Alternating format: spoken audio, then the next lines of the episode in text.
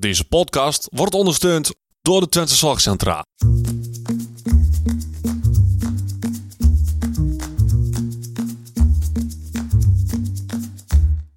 Welkom bij de Out of the Podcast.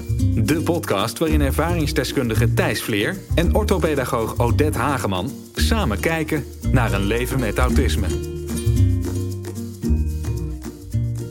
Goedendag allemaal en welkom bij aflevering 9 van de Out of the Podcast. Mijn naam is Thijs Vleer, ik ben ervaringsdeskundige en tegenover mij zit...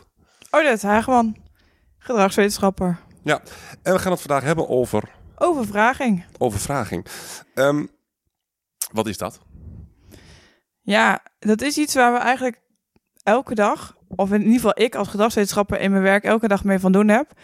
En dan heel kort gezegd gaat het over het kunnen en aankunnen van een cliënt. Of iemand met een verstandbeperking. Ja, wat, wat, Of wat autisme. diegene aan kan, zeg maar. Ja. Ja, Overvraging is, in, als je er een mooie betekenis aan wil hangen, het stellen van te hoge eisen op cognitief, sociaal of emotioneel gebied. ja. Dus eigenlijk, je ziet iemand en, dan, en die, daar spreek je mee.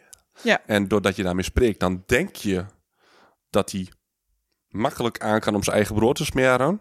Ja, maar dan als het dat daadwerkelijk zou moeten doen, dan kan het zijn dat hij het op dat moment niet kan. En dat heeft dan met verschillende factoren te maken. Ehm, maar als je dat niet opmerkt en je gaat maar zeggen, je moet nu je brood smeren, dan overvraag je dus eigenlijk iemand. Ja, we hebben het wel eens in een, in een van de podcasts over gehad, over, eh over prikkeling. Ja. Maar Heeft, heeft, dat, is dat ook, eh, heeft dat ook te maken met overvraging? Want we hebben toen als voorbeeld wel gehad van, ik weet niet of we dat in de podcast behandeld hebben of dat we dat buitenom hebben gedaan. Ik heb het wel eens gehad van, wat zou er gebeuren als wij samen ehm, op reis zouden gaan? Ik bedoel, jij gaat vaak op reis, Ja. verre landen en dan echt back to the basic. Ja. Wat zou er gebeuren als wij met z'n tweeën dat zouden gaan doen? Gewoon nul planning, zoals, zoals jij dat doet, zeg maar. Is, is dat ook... Is dat, ga je Dan gaan, dan- we je, dan gaan we je heel erg overvragen en heel erg over prikkelen. Ja, maar vandaar de vraag ook. Is, is het overprikkelen? Heeft dat... Is, is dat Ja, over prikkelen gaat vooral over de hoeveelheid prikkels die er binnenkomt. En dan gaat het over wat je ruikt, wat je ziet, wat je hoort, wat je voelt. Mhm. Dus al wat je zintuigen allemaal binnenbrengen. En als dat te veel wordt, dan heb je, ga je je soort daarvoor afschermen of dan ga je terugtrekken. En, je, en dan kun je dus minder aan op dat moment. Ja, maar dat maar dus... als dan de mensen hetzelfde van je blijven vragen als wanneer je wel oké bent, laat maar zeggen, Ja? dan word je dus eigenlijk al overvraagd. Oké. Dus overprikkeling kan een van de redenen zijn waardoor je een cliënt op dat moment niet kan wat hij normaal kan. Oké, helder. En het is ook zo dat eh, bij stress, dus als cliënten veel spanning ervaren, ik zeg nu dit cliënten, hè? het komt Ja, omdat ik helemaal lekker in mijn rol zit nu als eh, gedragswetenschapper. Ehm, dan kunnen mensen ook minder. Als ik heel veel spanning heb en heel veel stress, dan gaan dingen bij mij ook moeilijker dan wanneer ik goed te pas ben, laat maar zeggen. Als ik Ja. goed heb geslapen, als ik goed in mijn vel zit, dan gaat dat makkelijker. Ja, alleen bij, bij mensen zoals ik is dat dan wat extremer, denk ik. Ja, er zijn. Ik heb wel eens ehm, gewerkt met cliënten die daadwerkelijk zelf konden aankleden. Behalve als ze werden, echt werden overvraagd door hun omgeving, dan konden ze dat gewoon niet meer. Ja, ik zit er ook even over na te denken. Want ik heb dat ook wel eens dat ik inderdaad... Als ik dan inderdaad een, een dag heb gehad... waar ik veel dingen heb gedaan... die ik normaal niet zou kunnen. Of die ik wel zou kunnen, maar die... die ehm, afwijken van een normale dag. Ja, Dat ik daarna inderdaad bepaalde dingen gewoon echt niet meer van elkaar... Hoofdrekenen. Ik ben al niet heel erg goed in, in hoofdrekenen. Mhm. Het is al niet een hele sterke kant van mij. Maar als ik dan inderdaad overvraagd ben... en, en echt gewoon daar ook moe van ben, zeg maar... Ja. Ehm, de hoofdrekenen lukt me dat gewoon niet. Echt, lukt me echt niet meer. Nee, en we hebben het natuurlijk al een beetje voorbesproken dat eh, met voorbeelden wanneer jij bent overvraagd en hoe dat dan zich uit. Maar eigenlijk vind ik ook bij jou het best wel lastig om momenten terug te halen dat het echt heel helder is. Maar ik weet bijvoorbeeld wel een ander duidelijk voorbeeld om een beetje aan te geven hoe we cliënten, ja, in dit geval cliënten overvragen, is dat ik een, eh, een meisje had van een jaar of twintig, denk ik, die zo die liet probleemgedrag zien. En wat probleemgedrag, dat is dan gedrag wat voor de omgeving moeilijk te hanteren is. Dus die trok haar, haar haren eruit en die wilde niet eten, en die dik krabben en die dik slaan. En Ja, het wordt ook wel eens moeilijk verstaanbaar gedrag genoemd, Ja. toch? Dat Ja. vind ik misschien een betere term dan. Ja, nee, die kunnen we ook doen. En ehm, voor haar hebben we dus helemaal een plan geschreven met meer zorg, alles erop en eraan. En na een half jaar ehm, was dat moeilijk verstaanbaar gedrag was er niet meer, maar ze liet ook weer vaardigheden zien die ze voorheen niet liet zien. Ze kon opeens ook meer, daadwerkelijk meer dan wat ze voorheen kon. Ja. En En meer zorg is dus eigenlijk intensievere zorg. Dat er meer mensen... ja, dat er Meer- vanuit de overheid meer geld beschikbaar komt om de begeleiding te bieden die, de, Ja. die dan die persoon nodig heeft. Oké. Ja. Maar we werken altijd een soort van met stellingen. Dus laten we beginnen met de eerste. Kom maar op. Doordat ik verbaal sterk ben, word ik zeer regelmatig overvraagd. Ja. Ehm, we hebben het eh, in de vorige... Nee, een aantal afleveringen geleden... eh, hebben we het gehad over fieps. Ja. Ik weet best veel van radio. Dat Ja. is al mijn fiep. Ehm, dus als ik daarover begin te praten... kan ik echt... Ik, ik kan je alles vertellen. Ja. En daardoor denken mensen inderdaad vaak dat, dat, ik, dat ik allemaal wel kan. Maar eigenlijk, eigenlijk is het de helderste al. Weet je, wij doen die podcast waar, waar iedereen naar luistert. En ik denk dat veel mensen op basis van de podcast. jou, je, ze, horen alleen maar het, ja, het verbalen. Dus alleen het praten van jou. Mhm. Dat ze al denken van wow, die Thijs. Ja, nou, het is natuurlijk wel zo, nou ik met deze podcast bezig ben, ehm, wat, wat er na die tijd gebeurt, als jij zometeen de deur uit bent, ja, dan, ga ik, dan, dan ben ik kapot. Ja. Dat is omdat je ziet, je zit wel de, de ik ben wel 100% mezelf hier, maar wel de, de goede kant, zeg maar, Ja. van mezelf. ja Die staat nou je- wel 100% aan. En, Ja. en daar moet ik vandaag des te meer voor drukken, omdat ik vandaag wel een beetje slecht geslapen heb, omdat ik verkouden ben. En dat, misschien dat, je, dat ik verkouden ben, dat je dat een beetje hoort. Want dat ik, dat ik hier best moe zit, ik denk niet dat je dat hoort. Nee. Omdat ik mezelf daarin best wel overvraag. Ja. En best wel in push om, En ik jou daar ook, ook in overvraag. ja, Kun je, kun je aangeven hoe ik jou overvraag? er altijd te laten komen. Ja. Dat is best wel een ding. Nou, maar sowieso, ik, ik ben...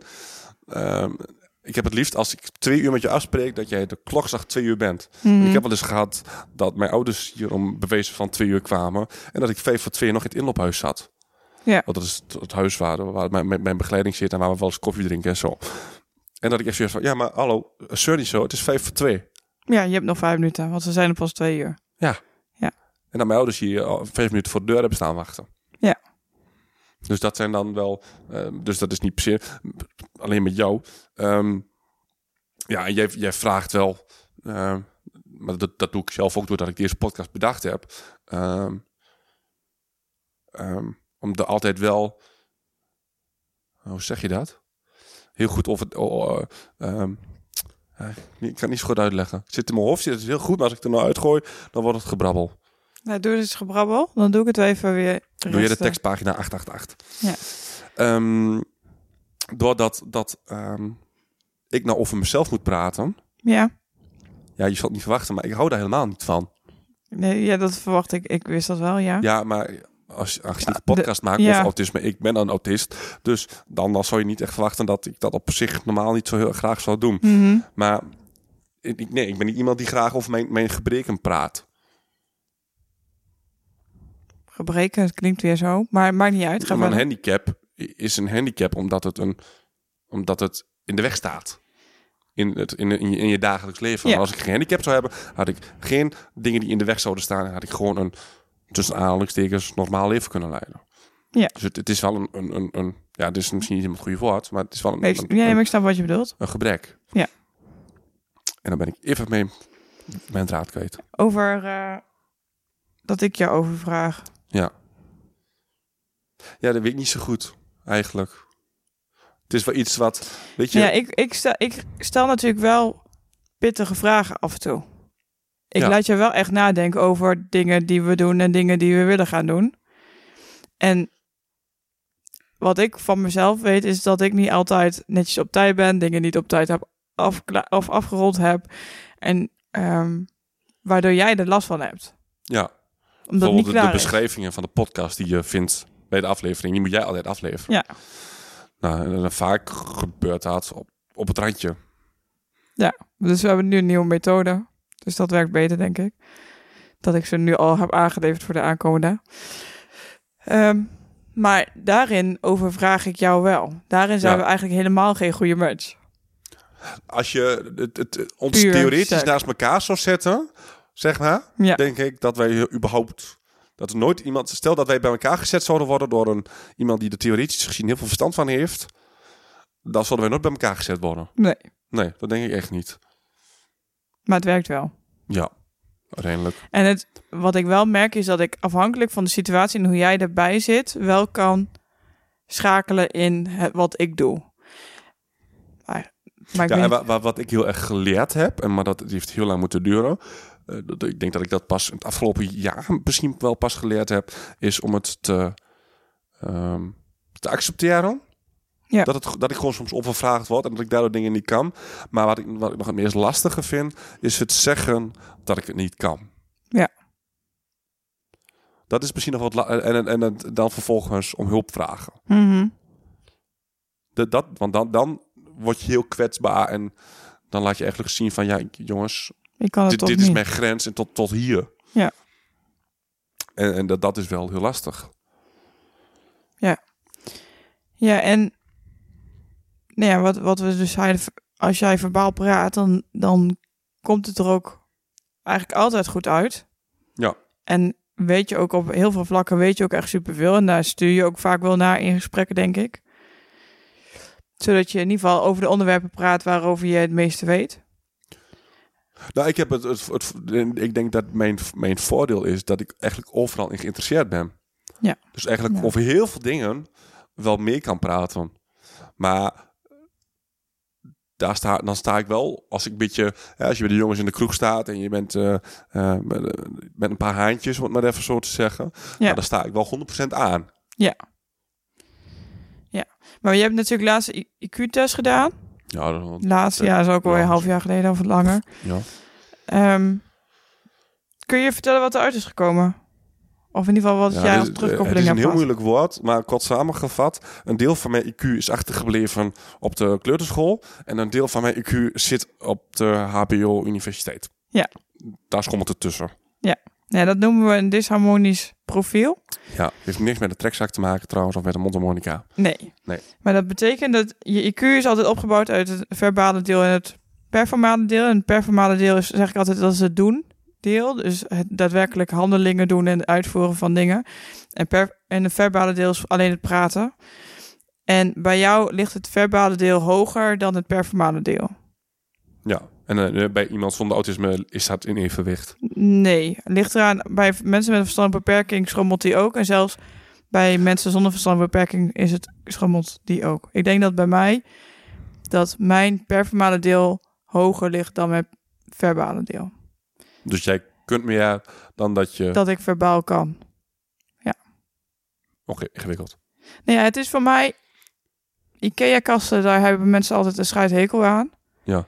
Nou, ja, ik heb er echt geen probleem mee. Ik zet zo'n kast zo in elkaar zonder enige moeite. En ik heb zo'n beschrijving, ja, is leuk, maar daar hoef ik eigenlijk niet zoveel mee. Maar het daadwerkelijk presenteren of dingen moeten uitleggen of ehm, een mening moeten vormen wat, ver- wat ik dus mondeling moet doen, daar heb ik heel veel moeite mee. Daar ben ik zwakker in. Ja, dus stel dat wij ooit eh, op een congres ons woordje moeten gaan doen, dan Ben is jij dat daar voor jou dan lastiger dan voor mij, zeg Ja. maar. Dus het is, het is, iedereen kan een disharmonisch profiel hebben. Het is alleen het verschil in hoeveel afwijking je kunt hebben tussen cijfers. Dus dat verschilt hoe groot het gat is. En eigenlijk wat we zeggen is dat als je een disharmonisch profiel hebt op je IQ, dat je dan eigenlijk altijd heel veel stress en spanning ervaart en angst. Omdat het niet met elkaar matcht, laat maar zeggen. Ja, En, eh, en daarnaast, dat gaat dus alleen maar over het kunnen. Dus wat je daadwerkelijk kan. Dus dat, want dat is meetbaar. En daarnaast heb je nog het aankunnen. En daarvoor gebruik ik in mijn werk meestal de SEO. Dat is de schaal voor sociaal-emotionele ontwikkeling. En dan ga je vaak met mensen die betrokken zijn bij de cliënt kijken op wat voor niveau ze zitten, emotioneel gezien. Mhm. En daar hebben we het natuurlijk ook even over gehad van tevoren. Ja, En- dat vond ik wel minder trouwens. Hè? Ja, dat, dat, dat vond ik wel minder. Ja. Dat je dat dan... is- Ja, nou goed, vertel maar. Ja, nee, dat, daarom. De meeste cliënten die ik heb gehad of heb begeleid, die zitten vaak rond de drie jaar. En toen ik dat tegen jou zei, zei je, ja, maar dat is echt niet het geval, dat ik zit veel hoger. En toen zei ik ook tegen jou dat je hoger zit, maar je zit, we weten niet precies hoe hoog je zit. Nee. Maar dat, maar dat, dat heeft er eigenlijk niet... Maar dat is niet nu. Eigenlijk. Ofwel. ook nu. Maar het is een. Kijk, bijvoorbeeld, laat het voorbeeld nemen. Mijn zusje is ook verstandelijk beperkt.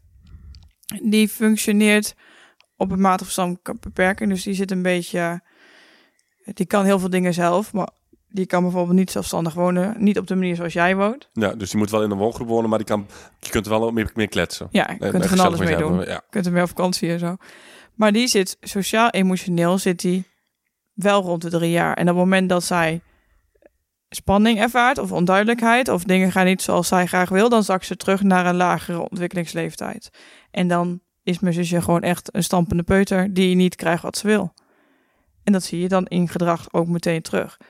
En dat is vaak wat het lastigste is, denk ik, met betrekking tot overvraging, is dat want als ik tegen jou ga zeggen dat jouw emotionele ontwikkeling rond de 4, 5 jaar zit, dan denk je echt, ja, hallo, ik ben geen kind van 4. En je wilde helemaal niet dat je wordt aangesproken als een kind van 4, Nee, toch? verschrikkelijk. Nee. Gebeurt wel heel veel trouwens. En het is de kunst, en dat maakt het ook zo lastig voor de begeleiders, is dat je, of voor de mensen in je omgeving, is dat je iemand kan iets, iemand heeft een levenservaring, maar is emotioneel op een lager niveau, waar je rekening mee moet houden de hele dag door eigenlijk. Dus je moet iemand aanspreken op een manier die past bij zijn kalenderleeftijd, maar waarbij je rekening houdt met de emotionele leeftijd. Heb je daar een voorbeeld van? Heb ik daar een voorbeeld van? Ehm, ik heb daar niet zo 1, 2, 3 een voorbeeld van, denk ik.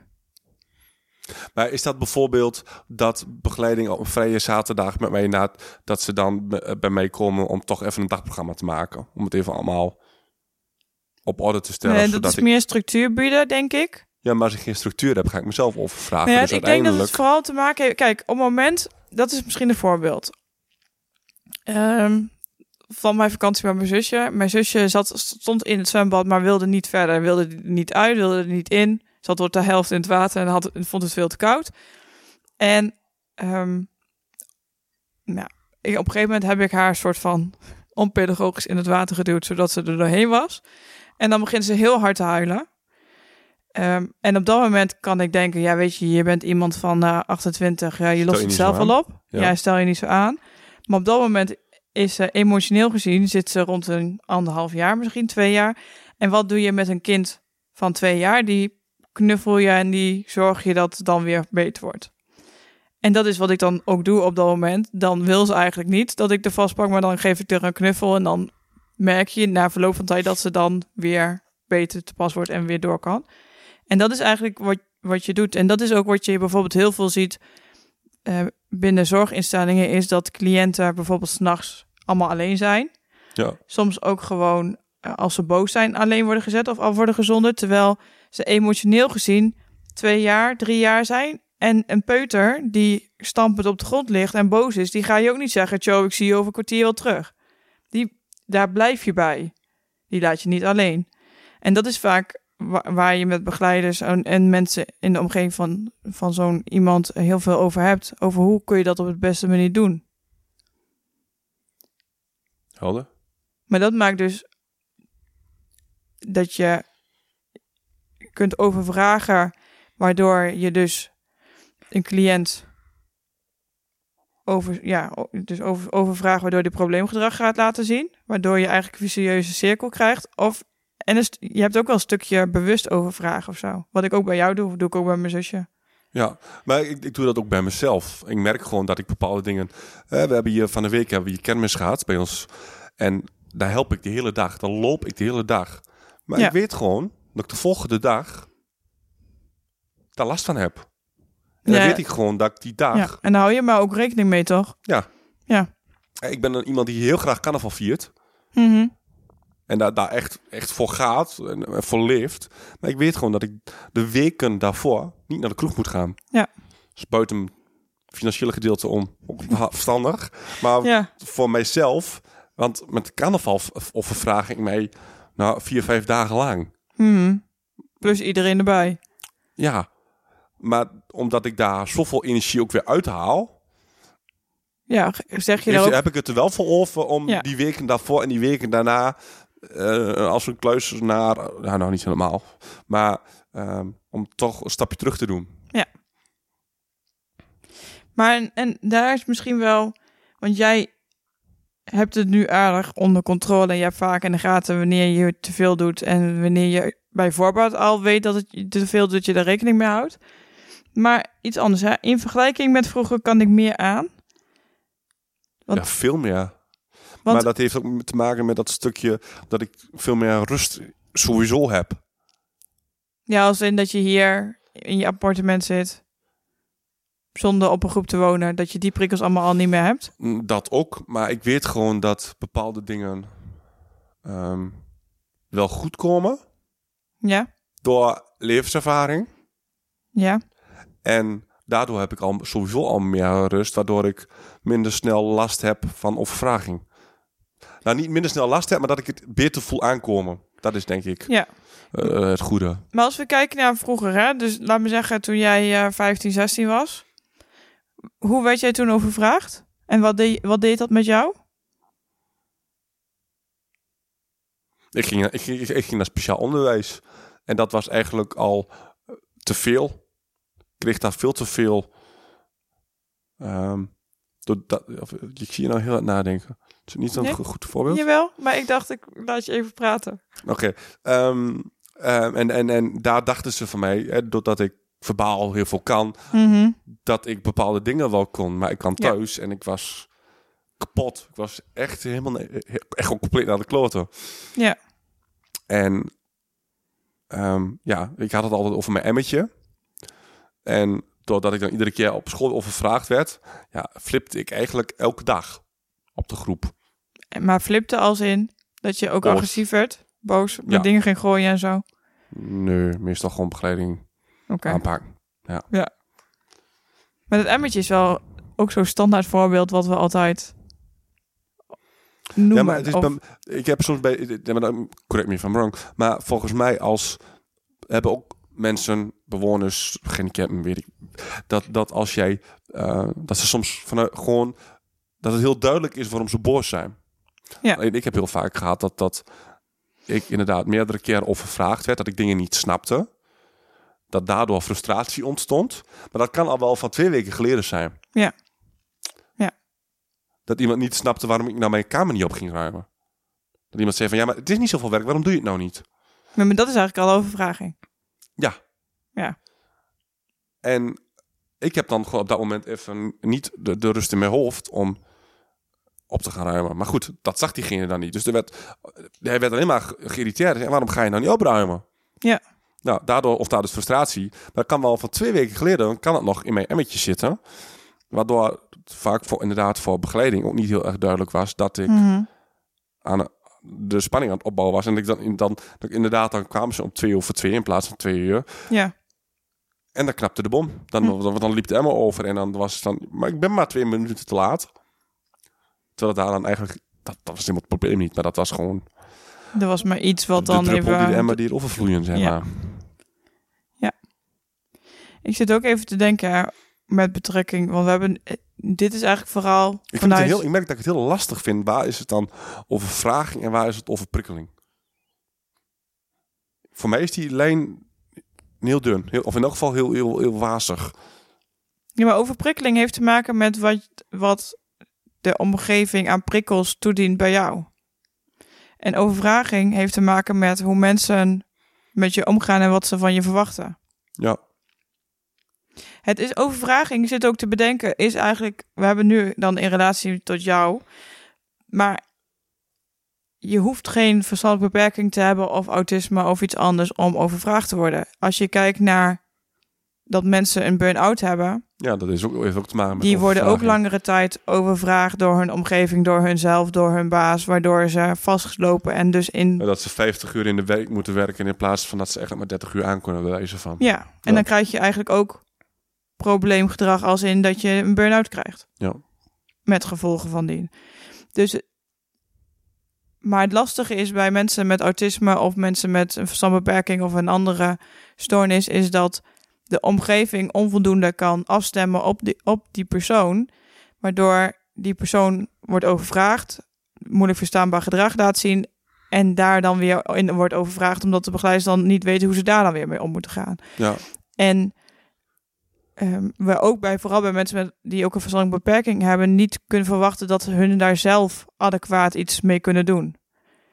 Snap je wat ik bedoel? Dus als ik jou overvraag, waardoor jij. ehm, dan heb jij de. Vroeger had jij de neiging dan om, om begeleiders te gaan slaan. Maar puur omdat je niet wist hoe je het op een andere manier moest doen. Klopt, ja. Als ik word overvraagd, dan, dan kan ik nog nadenken waar komt het allemaal door. En moet ik dan tegen bepaalde dingen nee zeggen? Ja. Ik- want dan moet ik zeggen tegen mijn baas, baas, het is te veel werk, ik kan dit niet. Mhm. Maar dat is omdat ik da- dat kan. Ik heb dat geleerd dat dat een goede manier is om om Ja. te gaan met mijn stress. Het, ik heb geleerd dat het niet goed is om naar mijn baas te lopen en hem een klap in zijn gezicht te ge- geven, laat me zeggen. Ja, dat, ja. Nee, maar ik, dat heb ik ondertussen ook geleerd. ja. Ik heb ook geleerd van, oké, ik voel spanning aankomen. Dan ga ik eerst bij mezelf na van, oké, waar komt dat vandaan? Ja. Ehm, en, en, en, en als ik dat dan helder heb, eh, bijvoorbeeld het loopt niet lekker op het werk, wijze van, dat, dan ga ik inderdaad naar mijn werk toe en dan ga ik daar vertellen wat me niet lekker zit. ja, maar dat heb jij geleerd. Ja, dat Daarvoor heb je therapie maar dat, gehad. dat is echt iets wat ik pas sinds pak een meer drie jaar lang kan. Ja. Zoals ik het nu kan. Ja. En dat ik echt gewoon niet meer. Ja, weet je, ik word. ehm, ja. Eh, ja, nee, maar. Nee, maar dat is ook wat, wat jij als persoon hebt geleerd. En ook dat is iets wat eigenlijk heel persoonlijk is of je dat wel of niet kan. Ja. Ja, want, je, want wat, ik, wat ik merk ehm, is van. Ik heb de laatste tijd heel veel geleerd.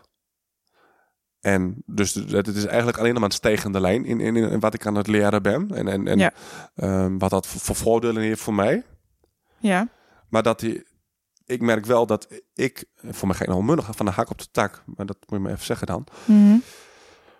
Ik ga ont- ontzettend van de hak op de tak, sorry. Ehm, dat, dat doordat ik best snel aan het groeien ben daarin, dat andere mensen denken van, ja, maar dat kan deze helemaal niet. Waardoor ik dus eigenlijk last heb van, dat je wordt ondervraagd. Ja. Ja, dat en is ik, ook weet- een ik ding. weet niet wat, wat, wat frustrerender is. Ehm, ik denk dat het vroeger, toen je nog niet goed wist hoe je moest omgaan met overvraging, dat je toen overvraging frustrerender was, omdat je dat daadwerkelijk het aanvliegen van begeleiders zorgt voor dusdanige escalaties dat je wordt gefixeerd of afgezonderd in ieder geval.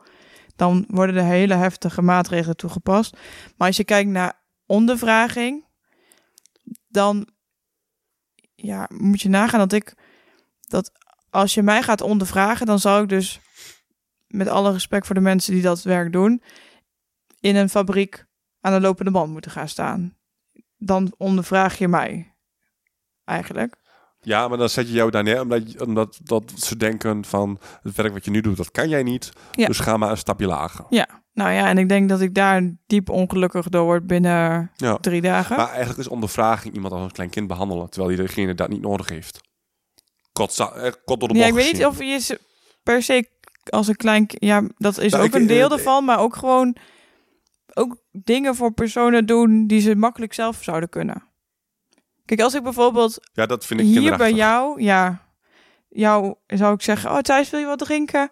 Zal ik dan even een Alleen glaasje oranje? Ja. nu al aanslaat. ja, maar dat is ook wat we heel veel doen bij ehm, mensen die in een bejaardentehuis wonen of uh, Mensen in een rolstoel. ja, Maar, maar, maar, ja, dove mensen of uh, ondervraging. ja. Mijn, mijn buurvrouw zit in een rolstoel. En ik heb wel eens dat ik met haar hier eh, eh, een drankje zat te doen. Mhm. Dat mensen bij mij komen om te vragen hoe mijn buurvrouw heet. ja, Dat is ook ondervraging, toch? Ja. ja. Hebben eh, we de, de, de, hebben we nog een, een, een, een, een stelling. Een stelling. Nee, we hebben het al. Ik hadden nog een stelling van ik overvraag mezelf, maar dat heb je eigenlijk al heel wel hebben we het eigenlijk Ja. al wel een beetje over gehad. Ja, ik zit eigenlijk een beetje te denken wie overvraag wie het meest. Of vraag ik mezelf het meest, waardoor mensen mij gaan overvragen. Of, of vragen mensen mij het meest, waardoor ik mezelf ga overvragen. Zo, Het is een beetje het kip en het ei verhaal. ja. Maar is het een kip en een ei verhaal? Of Ik denk dat jij vroeger werd overvraagd en dat je je vroeger niet heeft, dat je je toen je jonger was niet jezelf per se over, overvraagde. Nee, dat, dat weet ik wel zeker. Ik denk doordat ik weet dat ik heel veel kan. Ik heb van een week ook met een bandje samengewerkt. Dat kan Ja. prima. Ja. Alleen papa komt wel een dag later bij mij. En die heeft wel zoiets van, ja, nou, ik vond, ik, ik vond het eigenlijk dat er best veel van jou gevraagd werd. Dus of ik het aan kan. Ja, en ik heb toen met papa ook over gehad. Ik zei, ik weet het niet. Of ik dat op dat moment, of dat overvraagd werd. Maar doordat ik daarna wel mijn rust heb gepakt. Ja. Ja, ik denk ook dat het heel erg afhangt van, weet je, jij kan, jij moest met dat bandje, moest je met die mixer, denk ik, die kanalen openzetten en zo, toch? Dat Ik moest moest je doen. afmixen, ja. Dat kan jij heel goed. Ik denk op het moment dat je ze ook nog moet voorstellen en ook nog sociaal moet doen met iedereen in de omgeving en dat langere tijd door moet gaan, dat je dan wel wordt overvraagd. Ja, nou, dat was dus wel het geval. Ja. Want nou, toen ging het ook nog eens niet zoals ik het hebben wou. En, hè, want een deel van de, van, de, van de boksen die deed het niet. En eh, ja, ondertussen moet je ook nog een beetje lief blijven. En Ja, maar dan ik dat heel veel beroep op jouw executieve functies. verantwoordelijk voor, eh, voor het bandje. Want A, ik had ze geregeld. P, ik zou de techniek doen. En op een gegeven moment was ik degene die moest zeggen van ja, na een half uur. eh, een deel doet het. We, gaan, we, gaan, we gaan bezig. Ja. Dus dat, dat deel was misschien dan, Nou, je was meer gewoon tourmanager eigenlijk en geluidsman. Ja. Ja. En dat ging op dat moment heel goed hoor. Op dat moment kon ik dat prima aan. Ehm, maar wel omdat ik wist dat ik dat van tevoren allemaal ging doen. Ja, een situatie waarin ik, wat ook wel heel duidelijk is, waar, waar ik zelf ook bij ben geweest, van ik wel heel duidelijk zie dat het heel veel is voor jou, was natuurlijk de lanceerfeest. Ja, maar dat heb ik vaker. Ik, ik heb vaker dat ik dingen prima op orde heb, ook in mijn hoofd. En dat mensen dan denken dat dat, dat, dat te veel is. Nou ja, wat ik heel bewust heb gedaan met dat lanceerfeest, is ehm, om dingen aan jou te vragen. Want ik, er was, we wilden een bepaalde opstelling, we wilden be- bepaalde dingen. En ik had daar zelf een mening over, maar daarin wist ik dat op dat moment jij het heel erg helder in je, in je hoofd had hoe je het wilde hebben. Ja. Waardoor ik het continu aan jou vroeg van, is dit goed? Wil je dat hier? Waar wil je dit? Waar wil je dat? Dan legde ik het balletje bij jou neer, zodat we jouw kon- structuur konden volgen Ja, op het moment denk ik dat in die situatie ik had gezegd, maar Thijs, we gaan het andersom doen, want dat vind ik beter of vind ik mooi of dan was het ja maar sowieso een overlegstructuur helpt bij mij altijd beter in dat soort dingen. Eh, dan dat ik daarin leidend zou zijn. Of mijn mening Ja. zou doordrukken. En ik, ik denk, ik ben er mij ook wel van bewust dat ik op dat moment mijn mening doordruk. Maar ik weet ook, als ik dat niet doe, dat ik daar heel veel last van ga krijgen. En dat ik mezelf dan overvraag. En je hebt niet je mening doorgedrukt, ik heb bewust je mening gevolgd. Nee, maar ik denk wel dat als jij dat niet had gedaan, dat ik dat wel had gedaan. En ik, ik zorg dan voor de rond of de voorwaarden, een beetje de randvoorwaarden. Want net zoals het eten, dan zorg ik dat je, dan weet ik, oh ja, jij bent dit nog aan het doen. Dan zeg je ook, ik moet dit en dit, en dit nog doen. Dan zeg ik, oké, wat wil je dan eten? Want dan ga ik zorgen dat de eten is over een half uur, zodat we kunnen eten. Ja. Dus in dat soort dingen zie ik dan wel dat, dan zie ik daar wel in dat ik daar in jouw structuur niet moet gaan rommelen, zo- zodat het voor jou hanteerbaar blijft of zo. Ja. Terwijl je voor jezelf misschien niet het gevoel hebt dat je wordt overvraagd. Nou, ik ver- overvraag mezelf op dat moment niet. Nee. Maar dat komt wel omdat ik eh, ook het vertrouwen in heb in jou en in, in Luc, die dan ook, ook helpt. Ja. Ik denk als ik dat met wild vreemden zou moeten doen, dat ik wel heel erg continu aan het bezig ben van, oké, doe ik dit nog niet fout, doe ik dat nog niet fout. Dat ik veel meer met het sociale aspect. Ik weet gewoon dat als ik tegen jou een keer eh, uitval, dat jij wel weet van, Waardoor bedoelt het hij niet lullig. Ja. Ja. Dus dat, dat geeft dan wel weer eh, het stukje dat ik mezelf in elk geval niet overvraag. Mhm. Maar ik denk dat we eh, tien minuten over tijd zijn. Prima. Ik denk ook dat we nu genoeg hebben gepraat over het onderwerp. Ja, toch? Ja, maar zoals ik wel merk bij deze, deze aflevering... Van tevoren konden we er moeilijk iets over bedenken. En toen ging ik los en nee, hebben we wel een verhaal. Maar is het vooral heel complex, denk ik. Want er Mhm. spelen heel veel dingen mee... waardoor iemand wordt overvraagd. En de gevolgen daarvan zijn ook, kunnen heel groot zijn. Ja. En het geldt eigenlijk voor iedereen... en niet specifiek alleen voor jou. En het overvragen van jou zit ook op meerdere vlakken. Want als je kijkt naar de verstandbeperking... dan is het vragen van dingen die je niet kunt. Maar als ik kijk naar autisme, dan is het weer... als ik jou ga vragen... dat jij mij altijd recht in mijn ogen aankijkt... of ik van jou vraag om altijd in groepen heel sociaal te doen... dan Mhm. overvraag ik je ook. Ja. Dus ja, ik denk dat voor iedereen weer anders is. En ja, dat denk ik sowieso. Maar het is, de ja, gevolgen anders zijn. Dus dat maakt dat het een beetje, van mijn gevoel... weinig ik concreet als de vorige keren. Misschien. ja. Dus misschien, ja. Dat, dat, Maar inderdaad, dat, dat, dat speelde wel inderdaad in mijn hoofd van... eh, als jij dan wat aan het vertellen was, dan vond ik het wel... Het was dan inderdaad op mij gericht of, of inderdaad op, op, op je zus. En ik- ja, dit is denk ik met name iets ehm, waar jij als luisteraar, hij, ehm, over na kunt denken. En of dat bij jou dan ook zo is. Ja. Mm, En maar- waarschijnlijk herken je ook wel de termen van het kunnen, het aankunnen, het emmertje die overloopt. Ja, Dat soort maar, dingen. maar de, de, wanneer- de, de, de, het materiaal wat je in dat emmertje stopt om dat emmertje te doen overvloeien, dat zal voor iedereen anders, anders zijn. Ja. Hey, ehm, bedankt. Odette. Dankjewel. Ehm, mocht jij eh, dit nou een ontzettend interessante en leuke podcast vinden, eh, laat het dan aan al je vrienden en eh, familie en, en begeleiders en de, Geïnteresseerden. mede geïnteresseerden. la- laat het vooral even aan, ze, aan ze zien en aan ze horen. Mocht je vragen hebben, ehm, stuur ze dan via de mail. Alle info vind je op ditistijs.com. Podcast.ditistijs.com, sorry. En ehm, dan hopelijk tot eh, de volgende keer. Oh ja, mocht je dat nog niet weten. Iedere eerste donderdag van de maand komt om 6 uur 's ochtends de podcast online. Dus Ja. dat wil ik nog even zeggen. Dat zeggen we eigenlijk nooit. Maar iedere eerste donderdag van de maand om 6 uur 's ochtends. Thijs, sta je dan zo vroeg op? Nee, dat gaat allemaal vanzelf. Ja, hebben we inmi- inmiddels geregeld. En ondertussen gaat het soepel. Ja. In de volgende Out of the Podcast hebben we het over... De volgende podcast gaat over de Audi-proof lifehacks. ja. Tot dan. Doei!